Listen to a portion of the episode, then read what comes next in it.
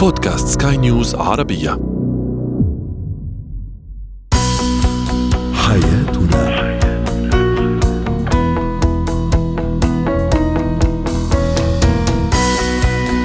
مستمعينا الكرام أهلا بكم إلى حياتنا. برنامجكم اليومي الذي يعنى بشؤون الأسرة وباقي الشؤون الحياتية الأخرى والذي يمكنكم أيضا الاستماع إليه عبر منصة Sky News Arabia Podcast وباقي منصات البودكاست. معي أنا طيبة حميد.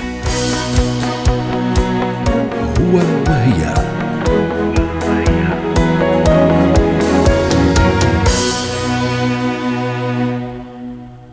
تعتمد العلاقات سواء كانت علاقات صداقة أو حب تعتمد على عدد من المعايير التي من شأنها تحديد ما إذا كانت هذه العلاقة فاشلة أو ناجحة.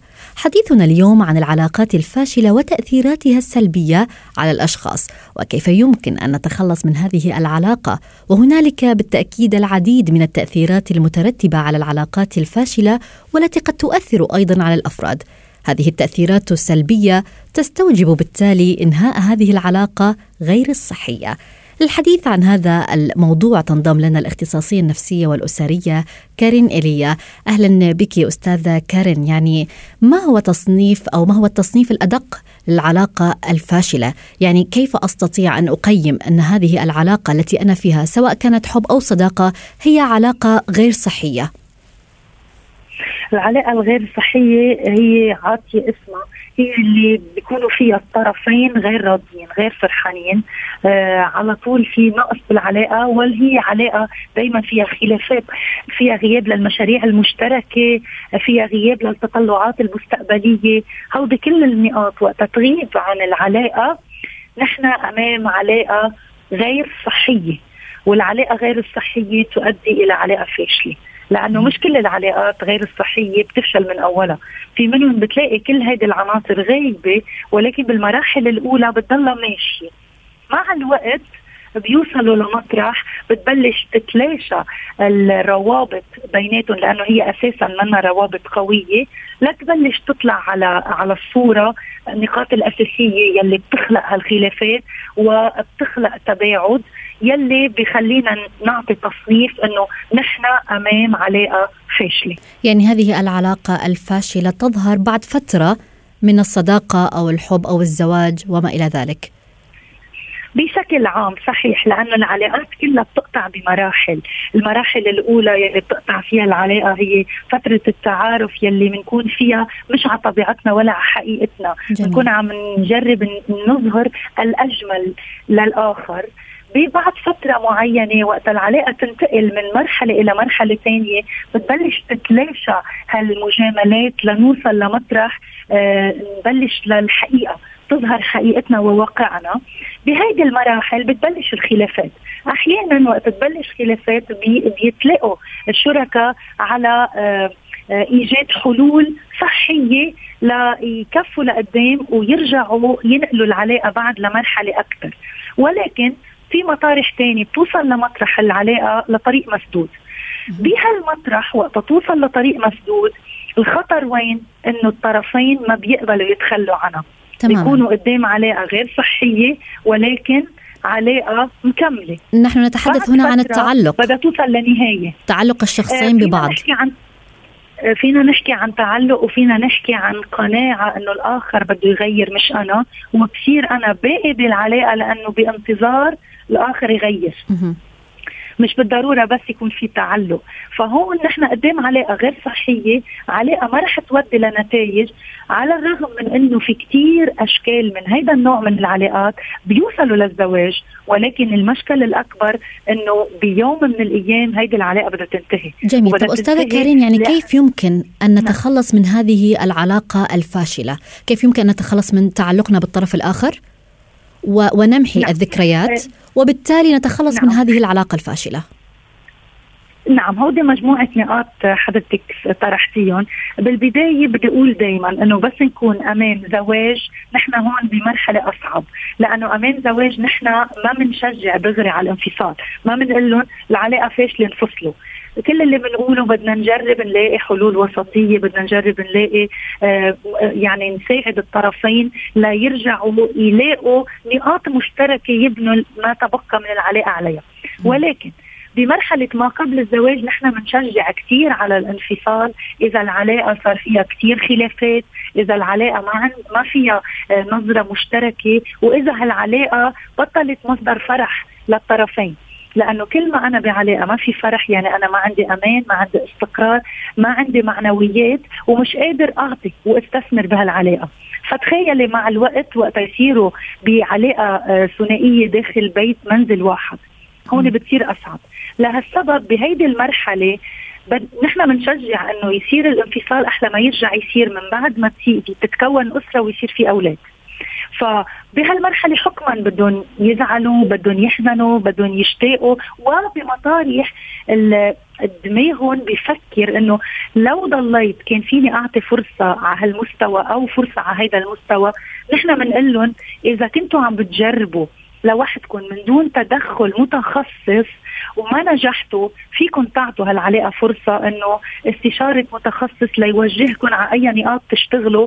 تشوفوا إذا هالعلاقة فيها ترجع تصير صحية طيب ماذا لو قرر الشخص بالفعل ان أن ينهي هذه العلاقة ويتحمل لا. جميع العقبات هل هناك آه، خطوات معينة يجب عليه اتباعها يعني للوصول لهذا القرار نعم. خلينا نقول إنه الخطوات دائما هي مرتبطة بالشخصيات لأنه في أشخاص بيكون عندهم القدرة القوية إنه ينفصلوا عن الشريك من خلال تحليل منطقي إنه هالعلاقة غير ناجحة صحيا أكثر لازم نفل وغيرها. الأشخاص الثانيين يلي بفوتوا بلعبة التعلق هودي أصعب عليهم. هودي الأشخاص بحاجة لوقت أطول ليتخطوا. آه بدهم يعيشوا معاناة نفسية أكبر وبنفس الوقت قد يحتاجوا إلى counsel counseling يعني استشارة.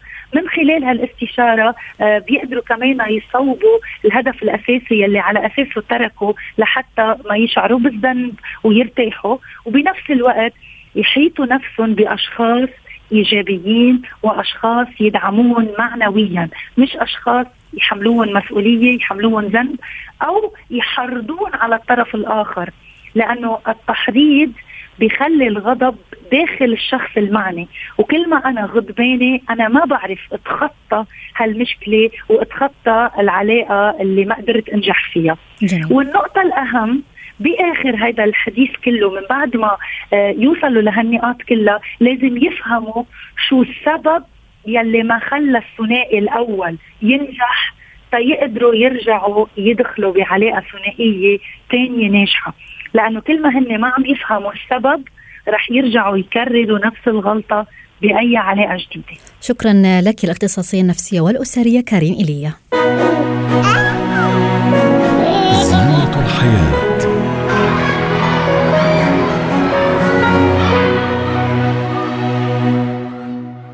الرغبة في مزيد من الخصوصية هي جزء طبيعي من مرحلة المراهقة قد يحتاج المراهق الجلوس في غرفته على انفراد أو استخدام وسائل التواصل الاجتماعي بمزيد من المساحة بعيدا عن تدخل الأهل ولكن في الوقت نفسه لا يزال يحتاج بالتأكيد إلى الدعم والمراقبة بشكل صحيح لتجنب الوقوع في المشاكل. وبالتالي اتخاذ القرارات الصحيحة. نحن نتحدث هنا عن خصوصية المراهق. للحديث عن هذا الموضوع تنضم لنا الخبيرة التربوية هبة شركس. أهلا بك أستاذة هبة. يعني ما هو المفتاح الذي يساعد في إيجاد توازن بين حاجة المراهق للخصوصية وحاجة الأهل بالمقابل لمعرفة ما يجري حول هذا المراهق؟ المفتاح الأساسي في المعادلة لتحقيق المعادلة دي آه، هو الثقة. جميل. إن العلاقة اللي بين الأهل والمراهق يكون قوامها الثقة. العلاقة تكون اتبنت عبر سنوات الطفولة والجسر بيمتد عبر سنوات الطفولة علشان نقدر نتخطى مرحلة المراهقة بأمان. فلو إحنا بنثق في أبنائنا وعلمناهم الثقة وعلمناهم آه إن يكون عندهم رقابة ذاتية واتفقنا مع بعض على ما هو مسموح وعلى ما هو غير مسموح وكنا بنسمع لهم وبنسمع لآرائهم بنشوف إيه المفاهيم الغلط اللي عندهم وبنحاول نصلحها. ده بيخلي آه وبنتوقف عن نقدهم المباشر علشان يقدروا يتكلموا معانا بحرية حوالين ما يعتقدونه عن آه كل شيء في الحياة. ده هيخليهم آه، يمروا بمرحلة مراهقة تكون أكثر امانا. جميل. طيب البعض من الأهل يظن أن ابنهم المراهق في حال طلب هذه المساحة من الخصوصية فهو يخفي أمرا ما عنهم. آه لا في الحقيقة هي الخصوصية واحترام خصوصيه المراهق هي واحدة من الاحتياجات النفسية اللي بيحتاجها المراهق في المرحلة دي. يعني مع تقدم العمر بيحتاج المراهق للاستقلالية وبيحتاج لمساحة من الخصوصية وبيحتاج لاحترام الخصوصية والاستقلالية بتاعته علشان يبدأ ينفصل عن عن الأسرة ويكون شخصيته يعني يمكن القول هنا أن هذه الخصوصية هي أمر طبيعي لأي مراهق. أمر طبيعي ومش أمر طبيعي فقط ده احتياج نفسي عنده. يعني إحنا دورنا كأهل إن إحنا نلبي احتياجات النفسية لأبنائنا. فالامتناع عن تلبية الاحتياجات النفسية بيحول الموضوع لصراع ما بين المراهق ونفسه وما بين المراهق وأسرته. فلازم نحترم خصوصيته على إن إحنا نكون مدربينه على الثقة وعلى إن لو واجهته مشكلة إن إحنا أبوابنا مفتوحة نتوقف عن النقد نحتضن المراهق نتفهمه نتفهم التقلبات المزاجية بتاعته ندعمه طول الوقت علشان نكون إحنا الملجأ والملاذ الآمن له في حال اتعرض لخطر. طيب ماذا لو كانت هذه السرية التي يطالب بها ابني المراهق هي مبالغ فيها؟ يعني هل هي تنذر بشيء خطير؟ تنذر بعدم الارتياح في بي في في البيئة الأسرية. تنذر بإن هو مش قادر يحقق ذاته مش قادر يستقل بشكل جيد أو بشكل متزن. يكون في عنده توازن ما بين الاستقلال وما بين الانتماء للأسرة. و... وده ساعتها لازم نراجع العلاقة اللي بيننا وما بينه ونعل... ون... ونسأله ونتكلم معاه ونسأله هل أنت بتثق فينا ولا لأ. وفي بعض الاستبيانات اللي بتقيس الثقة. في العلاقات فاحنا ممكن نستخدم حاجة من هذه الاستبيانات بيبقى فيها أسئلة على سبيل المثال إن لو عندك مشكلة هل أنت بتجد من الأسرة مكان آمن إن أنت تحكي مشكلتك؟ هل لو أنت عملت خطأ ومحتاج إن أنت تصلحه هل عندك حد من أفراد الأسرة أقصد بيهم الوالدين. ممكن تحكي له على أخطائك وفعلا هو ممكن يدعمك وعندك ظن إن هو هيدعمك مش هيلومك. فبعض هذه الأسئلة ممكن تكشف لنا إلى أي مدى المراهق بيثق فينا وإلى أي مدى هو ممكن يلجأ لنا.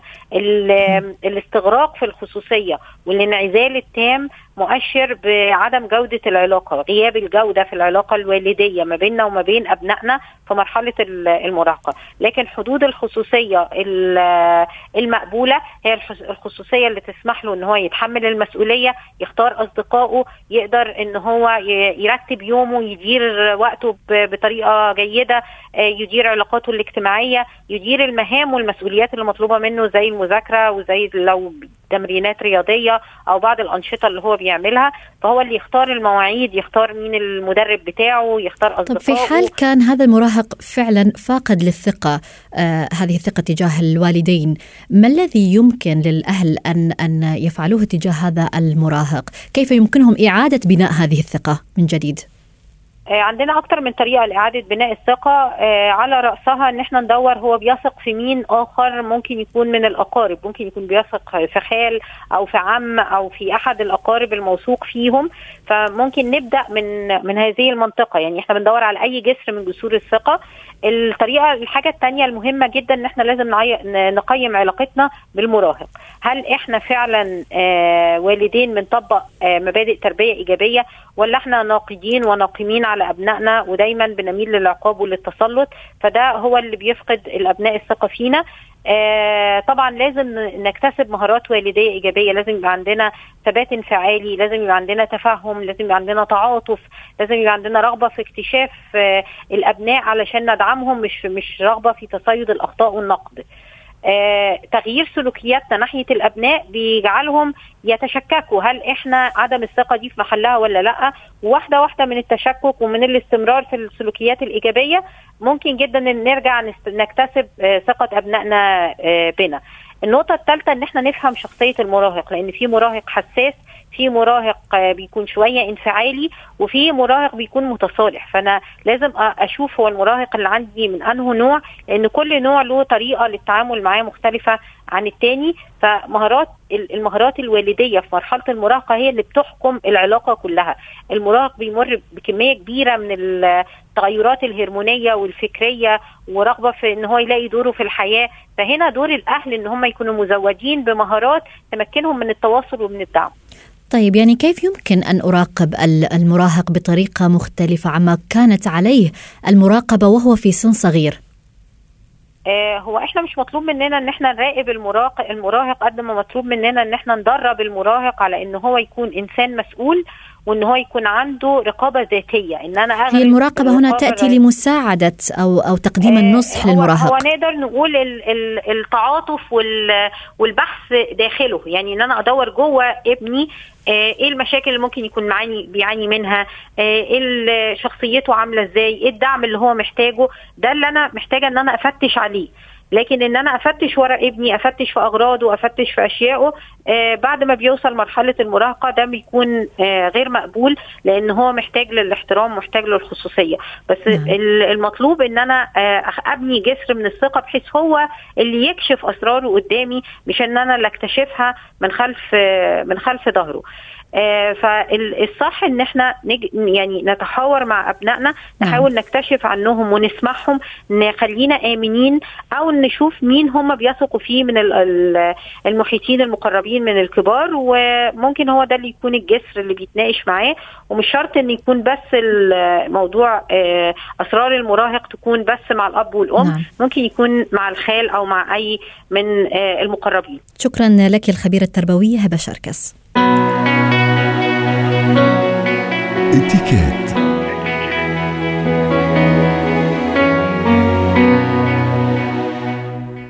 من المؤكد أنه من دون الأتيكيت لا يمكن للمرأة أن تتحلى بالأناقة والتي تدخل في صلب شكلها وطلتها وطريقة ارتدائها للملابس فضلا عن كيفية حملها لحقيبة يدها. فمن المعروف أن علاقة وطيدة تجمع المرأة بحقيبة يدها. والتي لا يمكنها التخلي عنها على الإطلاق والتي ترافقها أيضا في كل مناسبات حياتها من بسيطة إلى مهمة عادية إلى رسمية. اذا للحديث عن اتيكيت استخدام حقيبة اليد تنضم لنا خبيرة الاتيكيت سلوى عفيفي. أهلا بك أستاذة سلوى يعني اختيار الحقائب لا يحصل عشوائيا وطريقة حمل الحقيبة والتعامل معها أيضا يخضع لشروط معينة قد يغفلها البعض. كيف يمكن أن نختار الحقيبة المناسبة لشكل الجسم والمناسبة؟ يسعد مساكي أستاذة طيبة. أهلا بك. آه طبعا مثل ما تقدمتي وقلتي هي فعلا قطعة إكسسوار من القطع الأساسية التي لا يمكن للمرأة أن تتأنق بدونها. طبعا لدينا أنواع كثيرة خاصة مع الفاشن والأزياء الحديثة. يعني لدينا الحقيبة اليومية مثلا حقيبة الاستخدام اليومي اللي بيكون فيها معظم الأغراض يصعب علينا تغييرها كل يوم. لذلك دائما نختارها آه تكون طرية نوعا ما يعني سهلة الحمل تكون كبيرة نوعا ما أيضا لتحمل الأشياء التي نحتاجها يوميا. تكون ألوانها ألوان محايدة فلنقل مثلا أسود بيج آه أبيض أو الألوان اللي هي الماركات العالمية بدون ذكر يعني تحديدا اللي هي تتماشى مع جميع الملابس. هذه نوع من الحقائب. عادة تكون اليد إما تكون طويلة ليسهل حملها على على الكتف وخاصة دائما نقول يعني لنحملها على الكتف الأيسر حتى دائما اليد اليمنى تكون فارغة لربما السلام ربما يعني تكون دائما اليد اليمنى في حالة الاستعداد. طب هذا لو كنت أحمل حقيبتين؟ يعني حقيبة نعم. يد وحقيبة أخرى مثلا للكمبيوتر المحمول أو اللابتوب؟ نعم. تماما. نعم. خليني أقول لحضرتك ماذا أفعل أنا؟ على سبيل المثال أنا يعني قد تكون أوزان هذه الحقيبتين ثقيلة علي فيمكن أن أوزعها على اليد اليدين الاثنين واحدة في اليمنى واحدة في اليسرى. ولكن قبل أن أدخل المكان الذي أنا أقصده لدي اجتماع أو لدي تدريب مثلا أحمل كل ما في يدي في اليد اليسرى ودائما أفرغ يدي اليمنى. فهذه طريقة يمكن. جميل. آه هل نتطرق لباقي الأنواع من الحقائب؟ أكيد إذا احسن أوكي. لدينا مثلا الشنطة الكروس أو الحقيبة الكروس وهي موضة جدا. هذه عادة تكون متوسطة الحجم ونستخدمها مثلا في ال shopping أو التسوق أو المشاوير اللي هي السريعة.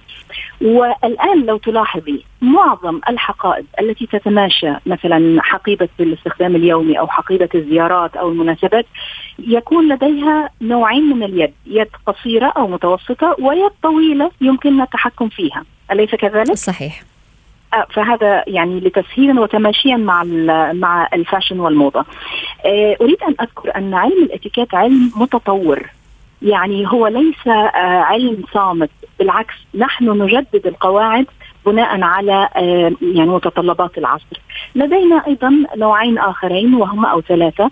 آه، شنطة أو حقيبة السواريهات أو المناسبات الرسمية عادة تكون صغيرة. الحجم لا تحتمل أكثر من مرآة ممكن آه، قطعة مكياج أو الموبايل ويعني فقط. جميل. آه، أيضا لدينا آه، ممكن تكون حقيبة أيضا صغيرة للمناسبات البسيطة ولدينا أيضا ما يسمى بال belt bag أو اللي هي الحقيبة التي تحمل على الخصر أو تربط على الخصر. يمكن استخدامها أيضا كحزام. وكمان أيضا ظهر في الآونة الأخيرة ال back bag الحقيبة الظهر. أيضا هذه آه، معظمها تدخل أكثر في الملابس الرياضية, الرياضية. أو المناسبات الرياضية نعم ومع ذلك أصبح يقبل أحيانا في بعض الأحيان أن تلبس آه، لأنها فعلا تساعد يمكن على آه، إن الإنسان يقدر يستطيع أن يتسوق هل يمكننا أو مثلا في بعض الأوقات أن نخلط بين استخدام مثلا الشنطة الكبيرة مع السواري أو أو الخروجات الرسمية مثلا؟ لا غير مستحب غير مستحب. جميل. لأنه يعني راح يكون فيها نوع من عدم التناسق أو راح تكون نشاز نوعا ما. آه، إن كان في وضعها في مكان إن كان في محتوياتها إن كان في المناسبة لا آه، غير متناسب. طيب أستاذة سلوى دعيني أتطرق لفكرة وضع الحقيبة عند الجلوس. هل هناك اتيكيت نعم. خاص لوضع الحقيبة؟ أكيد. المعظم يخطئ في هذا الشيء ويضع الحقيبة فوق الطاولة إن كانت طاولة اجتماعات أو كانت مكتب أو كانت آه، طاولة آه، مثلا دايننج يعني آه، طاولة طعام يعني هذا غير مستحب ابدا. الوضع الصحيح إن كانت حقيبة صغيرة في السواريهات مثلا فنضعها إما على الرجلين ونحرص إنه لما لما نقوم من مكاننا لا تسقط على الأرض أو توضع خلف الظهر على الكرسي فهذا أنسب مكان. أو إن كانت حقيبة كبيرة نوعا ما توضع في في أسفل الكرسي على يمين الشخص الجالس أو السيدة آه هذا هو الممر ناحية اليمين ونسميها قاعدة اليمين في الاتيكيت. آه أو إذا كان المكان آمن مثلا أعلقها على ظهر الكرسي بحيث لا يعني لا تجرح أحد. بس غالبا نضعها في الأرض بجانب أو داخل رجل الكرسي. هذا هو الحيز المسموح لي الحيز الشخصي المسموح لكل شخص. شكرا لك على جميع هذه التفاصيل خبيرة الإتيكيت سلوى عفيفي. حياتنا.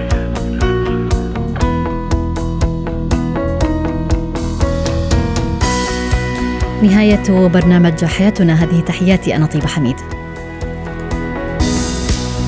Yeah.